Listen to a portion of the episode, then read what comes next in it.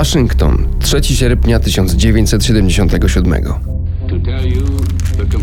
Panie Przewodniczący, w moim liście z 15 lipca doniosłem o niedawnym odkryciu siedmiu pudeł z dokumentami dotyczącymi projektu MK Ultra, którym Centralna Agencja Wywiadowcza zajmowała się w latach 1953-1964.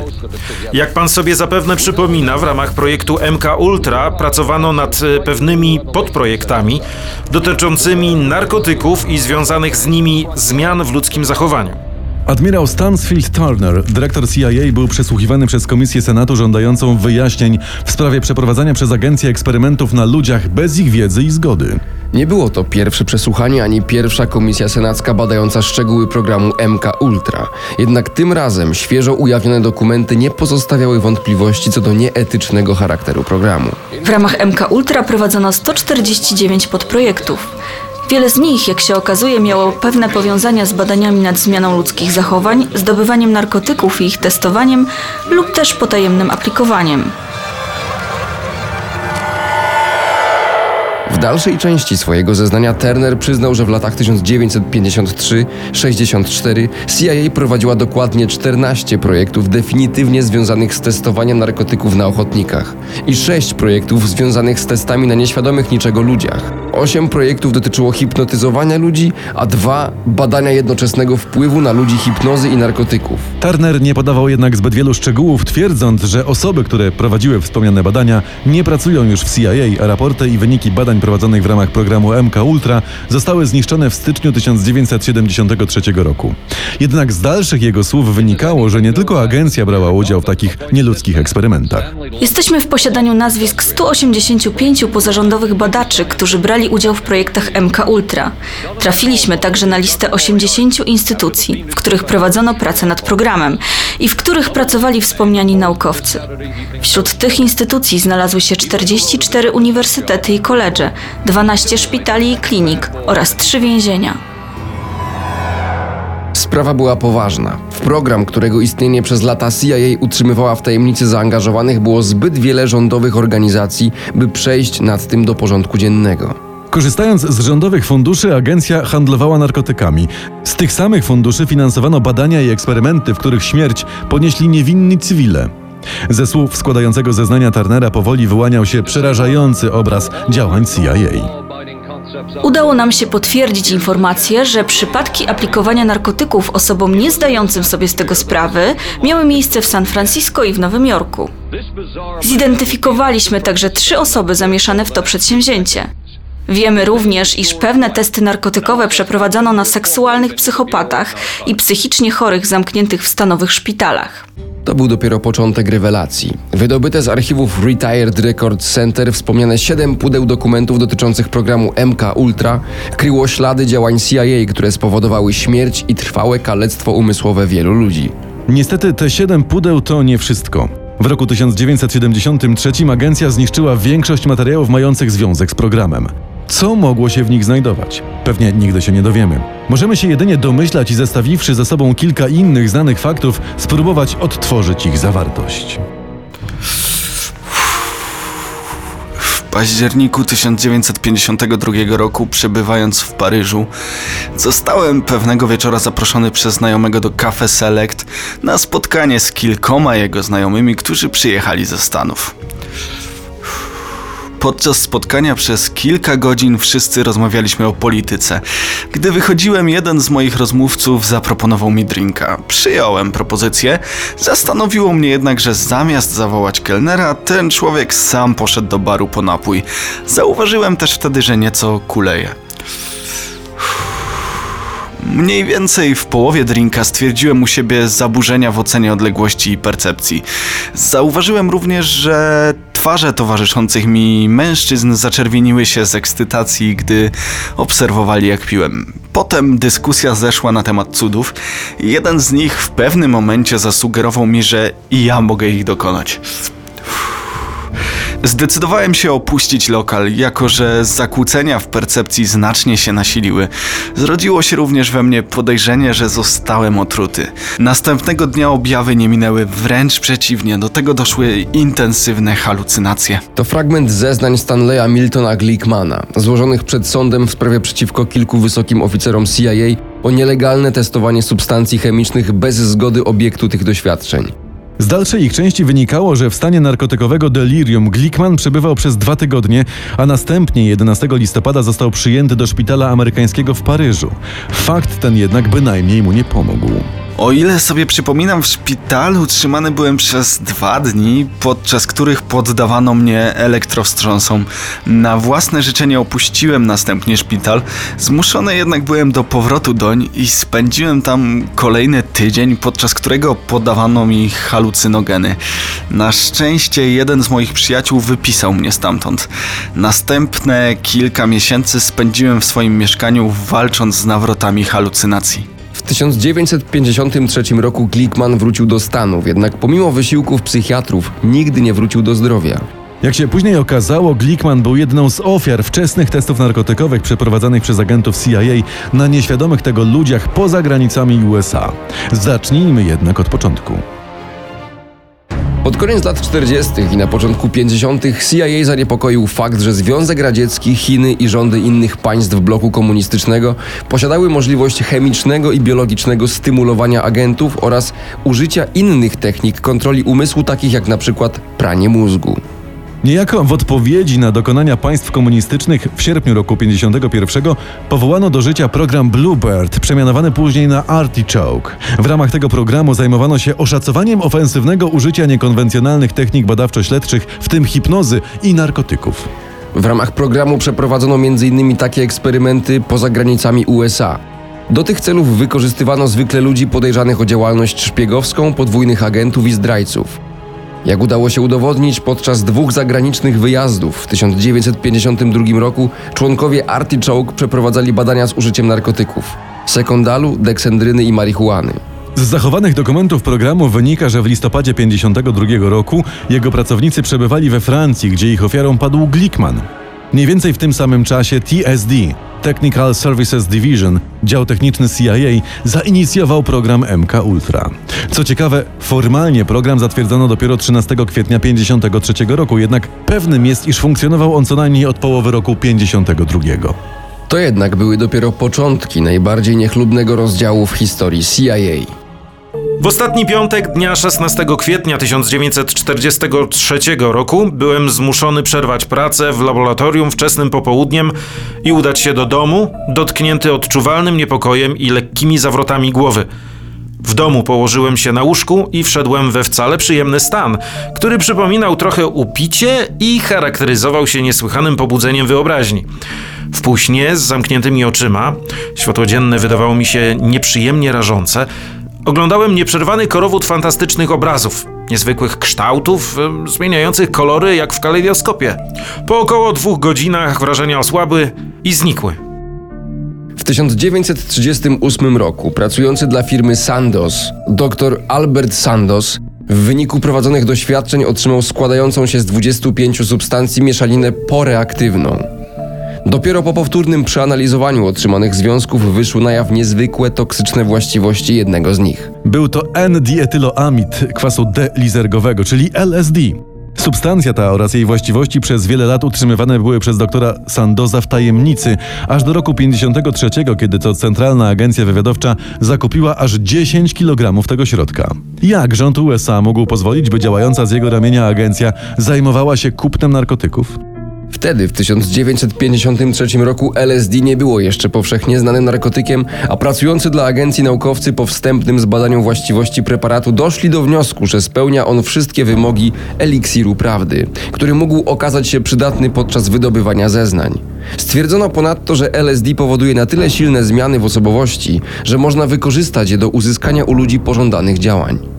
Z budżetu CIA wyasygnowano ogromną jak na tamte czasy kwotę 375 tysięcy dolarów na stworzenie cywilnego i niepowiązanego z agencją organu, który w tajemnicy zająłby się zdobywaniem potrzebnych do testów substancji chemicznych oraz przeprowadzaniem doświadczeń z ich użyciem. W ten sposób powstało Towarzystwo Badania Ludzkiej Ekologii. A działalność tej organizacji nie tyle zyskała poparcie konsula generalnego, ale i została przez niego zalegalizowana. Obok towarzystwa powołano również do życia Fundację Ludzkiej Ekologii. Celem jej działania było finansowanie programów prowadzonych przez stowarzyszenie przy jednoczesnym zatarciu śladów prowadzących wprost do CIA. Plan okazał się niezwykle skuteczny. W 1977 roku przesłuchiwani przez senacką komisję obok admirała Turnera dwaj byli agenci CIA potwierdzili fakt, iż nawet pracujący dla stowarzyszenia naukowcy nie wiedzieli, iż ich prace finansowane były przez CIA. Nie wiedzieli o istnieniu programu MK Ultra, którego byli członkami. Oczywiście nie wszyscy. Wyjątkiem był m.in. pewien psychiatra, dyrektor kliniki w Montrealu, dr Ivan Cameron, autor jednego z bardziej przerażających eksperymentów programu. Otrzymał on od CIA fundusze na przetestowanie procedury określanej jako depatterning, czyli zmiana odwzorowania. W dużym skrócie dr Cameron pracował nad przełamywaniem wzorców ludzkich zachowań przez stosowanie silnych elektrowstrząsów z równoczesnym aplikowaniem ludziom LSD oraz dokonywaniem na nich częściowej lobotomii. W trakcie tych badań kilku pacjentów doznało poważnych uszkodzeń mózgu oraz innych trwałych zmian. Innym projektem, jakim zajmował się dr Cameron, było tak zwane prowadzenie psychiczne, polegające na zupełnym czyszczeniu osobowości pacjentów za pomocą narkotyków i elektrowstrząsów. Gdy się już to udało, ludziom tym przez 16 godzin dziennie puszczano taśmy programujące ich nową osobowość. Kolejnym z programów, który zakończył się podobnymi rezultatami, były m.in. przeprowadzony w Kentucky eksperyment, w trakcie którego kilku czarnoskórym ochotnikom podawano czterokrotnie silniejsze niż zwykle dawki LSD, ciągle przez 77 dni. W każdym razie program MK Ultra dopiero się rozwijał. CIA dostało nań ogromne sumy pieniędzy. Udało się pozyskać naukowców skłonnych przeprowadzać badania. Stworzono też doskonale funkcjonujące zaplecze. Już wkrótce agencja miała rozwinąć skrzydła i objąć swymi działaniami nie tylko ochotników, ale również setki nieświadomych niczego ludzi. W roku 1975 jako pierwsza specjalna podkomisja Senatu do spraw badania operacji rządowych z uwzględnieniem działalności wywiadowczej pod przewodnictwem senatora Franka Churcha rozpoczęła przesłuchiwania agentów CIA w sprawie projektu MK Ultra. Miało to miejsce w dwa lata po zakończeniu projektu MK Search, który był kontynuacją MK Ultra. Raport komisji ujrzał światło dzienne w 1976 roku i choć potwierdzał nieetyczne aspekty prowadzonych przez CIA operacji, to jednak praktycznie nie można było przedstawić konkretnym agentom konkretnych zarzutów. Z tego też powodu kilkanaście aktów oskarżenia, jakie wpłynęły wkrótce potem do sądów w USA, skierowanych było, cytuję, przeciwko nieznanym z nazwiska agentom CIA. Część z tych spraw zakończyła się sukcesem dla skarżących, część jednak z braku dowodów umorzono. Sytuacja zmieniła się nieco w roku 77, gdy podkomisja Senatu do spraw zdrowia i badań naukowych pod przewodnictwem senatora Edwarda Kennedy'ego zajęła się sprawą zidentyfikowania ofiar eksperymentów CIA. Wtedy też, o czym już mówiliśmy, ówczesny dyrektor CIA przyznał, iż Sidney Gottlieb, szef Departamentu Chemicznego Działu Technicznego CIA i szef programu MK Ultra, nakazał zniszczenie wszelkich materiałów dotyczących projektu, tłumacząc to m.in. zbyt wielką ilością papieru, jaka zalega w archiwach.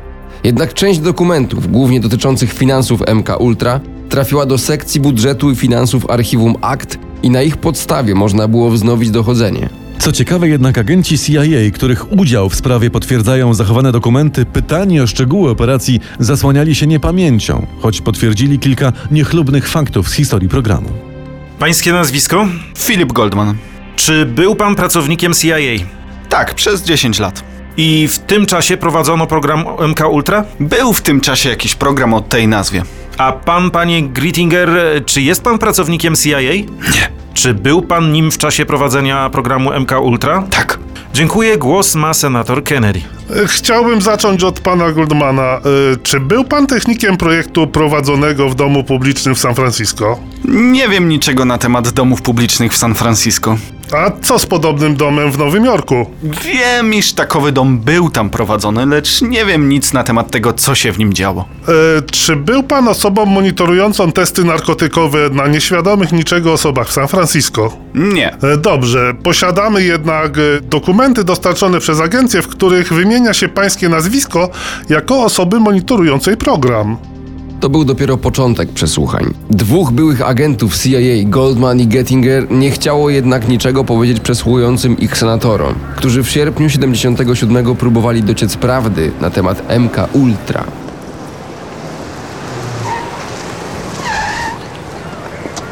Ty, blondynka w czerwonej sukience. Tak, ty, chodź, chodź tu. Czego taki przystojniak jak ty szuka na Marble Street? Czyżby żona się znudziła? Nie twój interes, skarbie. Dobra, ty płacisz, ty wymagasz. A jeżeli było cię stać na takie duże auto, możesz pozwolić sobie i na mnie. Mm, Ile? 50 wystarczy? A jak dla ciebie wystarczy. No to wsiadaj. Y, jeśli nie robi ci te różnicy, znam w pobliżu tani hotel na godziny. 81 Bedford Street w Greenwich Village. Nie, nie robi mi to różnicy. Prawie za każdym razem scenariusz wyglądał tak samo. Po zdobyciu klientów, pracujące dla CIA prostytutki zabierały ich do specjalnego domu publicznego, który również prowadzony był przez agencję. Jeden taki przybytek znajdował się w San Francisco, a drugi w Nowym Jorku. Na miejscu nieświadomi niczego mężczyźni częstowali byli drinkami, do których wcześniej prostytutki dodawały LSD. Po pewnym czasie narkotyk zaczynał działać, a skutki tego oraz ich wpływ na zachowanie mężczyzn pracownicy CIA obserwowali z zaweneckich zwierciadeł umieszczonych w każdym z pokojów. Ten program, noszący kryptonim Operacja Nocny Orgazm, był oczywiście częścią MK Ultra, a ówczesny dyrektor CIA Richard Helms, wprowadzając program w życie zapytany o jego nieetyczne aspekty, odparł: Nie jesteśmy przecież skautami. I rzeczywiście pracownicy CIA bynajmniej skautami nie byli. Jednak wtedy, w latach 1953-64, w trakcie trwania programu, agencja cieszyła się nieposzlakowaną opinią, nie mówiąc już o tym, iż prawie nikt poza jej pracownikami nie wiedział o istnieniu programu MK Ultra. W każdym razie świadomie czy też nie naukowcy mieli swój znaczny udział w programie, którego głównym celem było stworzenie mordercy idealnego, a narkotyki miały być tylko środkiem do tego służącym. Nie tylko one zresztą, bowiem oprócz wymienionych już elektrowstrząsów, pracowano również nad zastosowaniem hipnozy oraz innych sposobów oddziaływania na ludzki umysł. Wydawało się, że ta komisja przyniesie znaczny postęp w sprawie i zajdzie o wiele dalej niż poprzednia, która przesłuchiwała funkcjonariuszy CIA w 1975 roku. Dysponowano większą ilością dokumentów. A poza tym coraz bardziej dawało się wyczuć presję opinii publicznej, która wzmogła swoje naciski po tym, jak rodziny ludzi, którzy ponieśli śmierć w programie, złożyły sprawy w sądach. Wróćmy jednak do zeznań Filipa Goldmana i Johna Grittingera. Panie Grittinger, jak długo służył pan w CIA? 26 lat. Czy znał pan Sydneya Gottlieba, szefa projektu? Tak jest. Czy informował on pana o badaniach nad LSD? Tak jest. W jaki sposób podawano je nieświadomym tego faktu ludziom? Nie wiem tego. Ale bywał pan w domach, w których to czyniono. Dlaczego? Prowadziłem tam badania psychologiczne.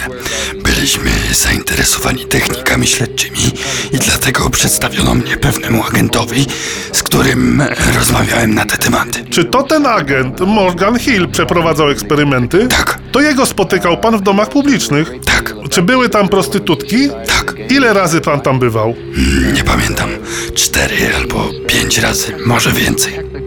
Nie pamiętam tak, ale nie jestem w stanie sobie przypomnieć. To było tak dawno temu. Komisja senatora Kennedy'ego dysponowała tylko szczątkowymi danymi na temat podprojektów związanych z MK Ultra. Wyciąganie z byłych agentów zeznań szło niezwykle opornie. Potwierdzali oni swój udział w udokumentowanych operacjach, jednak odmawiali podania jakichkolwiek szczegółów czy wyjaśnienia powstałych wątpliwości co do pewnych spraw związanych z programem. Nikt z nich nie stanął nigdy przed sądem, nikomu nie postawiono żadnych zarzutów. Nawet szefowi MK Ultra, doktorowi Sydneyowi Gottliebowi, który przyczynił się do śmierci doktora Franka Olsona. Dr Frank Olson był pracownikiem Centrum Broni Biologicznych Armii Stanów Zjednoczonych w Camp Detrick. Jak udało się ustalić, 18 listopada roku 53 Olsen przebywał w jednym ze sponsorowanych przez CIA ośrodków w Deep Creek Lake w stanie Maryland. Tego samego dnia do ośrodka przybył również dr Sidney Gottlieb, szef raczkującego wówczas programu MK Ultra. Odbyło się tam na wpół oficjalne spotkanie naukowców z CIA i armii. Gottlieb podczas spotkania z Olsonem po obiedzie poczęstował go drinkiem, do którego w tajemnicy wsypano dawkę LSD, dokładnie 70 mikrogramów czystego środka. Oczywiście Olsen nic o tym nie wiedział. Wkrótce po wypiciu drinka u doktora Olsona wystąpiły silne objawy psychotyczne i schizofreniczne. To był dopiero początek. Po ośmiu dniach spędzonych w silnej, wywołanej narkotykami depresji, popełnił samobójstwo, wyskakując z okna hotelu Stalter Hilton w Nowym Jorku. Wcześniej jednak jego stan badał psychiatra dr Harold Abramson, również pracujący dla CIA i stwierdził, że Olsona winno poddać się stałej opiece psychiatrycznej. Co ciekawe, Olson przez cały czas znajdował się pod obserwacją agentów CIA, którzy nie interweniowali, widząc, że ma on zamiar wyskoczyć przez okno. Jak później sprawdzono, Olson dzielił pokój z zastępcą Gottlieba, doktorem Robertem Lashbrookiem. Niektórzy sugerują nawet, iż Lashbrook nie był biernym uczestnikiem zdarzenia. Świadczyć o tym ma fakt, iż udając się na spoczynek o 23, Olson zamówił w recepcji hotelu budzenie na godzinę 2.30. Czy tak postępuje człowiek chcący popełnić samobójstwo? W każdym razie w nocy, gdy Olson wyleciał przez okno, nowojorska policja zatrzymała Lashbrooka, a podczas przeszukania go znalazła kawałek papieru z inicjałami GW i MH, które później rozszyfrowano jako należące do George'a White'a i Morgana Holla, pracowników CIA, którzy wraz z agentami Biura do Spraw Narkotyków prowadzili dom publiczny przy 81 Bedorf Street w Greenwich Village w Nowym Jorku, o których już mówiliśmy. Niestety żaden z agentów, choć ich wina wydaje się oczywista, nie został skazany. Nawet pomimo faktu, iż komisja senatora Churcha badająca w roku 75 na polecenie prezydenta Forda sprawę śmierci doktora Franka Olsona wyraźnie postawiła zarzut łamania prawa. Od początku lat 50. aż do roku 1963 program potajemnego aplikowania LSD ludziom niebędącym ochotnikami i bez ich wiedzy wykazał, iż CIA zupełnie nie przywiązywało wagi do praw jednostki oraz do zapewnienia bezpieczeństwa pracownikom agencji. Pomimo iż wiedziano, że przeprowadzane testy są niebezpieczne, spowodowano zagrożenie dla życia. Pomimo iż jasnym było, że prawo Stanów Zjednoczonych było łamane, nie zaprzestano prowadzenia testów. Przez 20 lat rodzina Olsona nie znała całej prawdy na temat jego śmierci. I choć ani żona Ann, ani synowie Eric i Niels nie wierzyli w jego samobójstwo, nie mogli nic zrobić. W 1975 roku rodzinie wypłacono odszkodowanie w wysokości 750 tysięcy dolarów, a prezydent Gerald Ford oficjalnie przeprosił ją za działania CIA. Dopiero po ekshumacji ciała doktora Olsona w roku 94 i przeprowadzonej autopsji wyszło na jaw, że zanim wypadł przez okno, został uderzony w głowę. Być może gdyby komisja znała ten fakt, dr Gottlieb i inni pracownicy CIA nie uniknęliby wyroków. Po raz kolejny okazało się, iż agencja potrafi doskonale chronić swoich ludzi. I żaden z nich nie odpowiedział przed sądem za matactwa. Niepokój budzi również inny fakt. Otóż w 1964, gdy zakończono pracę nad MK Ultra, równocześnie w życie wprowadzono projekt będący jego kontynuacją MK Search, który to z kolei kontynuowano aż do 1973 roku. Jakby i tego było mało, istnieją obawy, że również MK Search doczekał się następcy. Pogłoski dotyczące niechlubnych powiązań CIA z narkotykami utrzymywane zwykle w tonie sensacji co jakiś czas pojawiają się w prasie czy w telewizji i posłużyły jako kanwa dla kilku scenariuszy filmowych. Jednak zważywszy na skąpość materiału, nie zawsze przedstawiano w nich pełny obraz sytuacji. Ujawnienie jednak całości działań CIA w tym szczególnie niechlubnym okresie jej działalności wydaje się dzisiaj niemożliwe. Po pierwsze, prowadzone wówczas projekty zakrojone były na niezwykle szeroką skalę, a po drugie, starannie tuszowano ich ślady. Udało nam się jednak dotrzeć do zapisów z przesłuchań pracowników CIA zaangażowanych w projekt MK Ultra. To, co powiedzieli, budzi poważne wątpliwości co do charakteru organizacji takich jak agencja. Najważniejsze jest jednak to, co zostało przemilczane. To, czego przesłuchiwani byli agenci, nie zdradzili w krzyżowym ogniu pytań przesłuchujących ich senatorów. Dr Sidney Gottlieb, którego eksperymenty z narkotykami prowadzone z ramienia CIA przyniosły śmierć i cierpienia wielu osobom, zmarł w sobotę 10 marca 1998 roku w wieku 80 lat. Zanim jednak odszedł, zabierając ze sobą tajemnice związane z programem MK Ultra i innymi prowadzonymi przez niego programami, zasłużył sobie na miano oficjalnego truciciela Ameryki, jak określiła go część amerykańskiej prasy. Oprócz MK Ultra, MK Search oraz programów takich jak Artichoke, Dr Gottlieb i inni jego współpracownicy z CIA brali bowiem udział w innych, równie szokujących projektach. Jednym z nich był prowadzony w latach 60. program MK Naomi, w ramach którego kierowana przez Gottlieba TSD, sekcja techniczna CIA, zajmowała się truciznami oraz wykorzystaniem broni biologicznych w eliminowaniu potencjalnych zagrożeń. Dokumenty, na jakie natrafiliśmy, potwierdzają udział agentów CIA w kilku mniej lub bardziej znanych morderstwach, między innymi na niewygodnych przywódcach krajów trzeciego świata. Do tych dokumentów, związanych z nimi ludzi oraz podejmowanych przez nich działań będziemy w programie Misja Specjalna nieraz jeszcze wracać.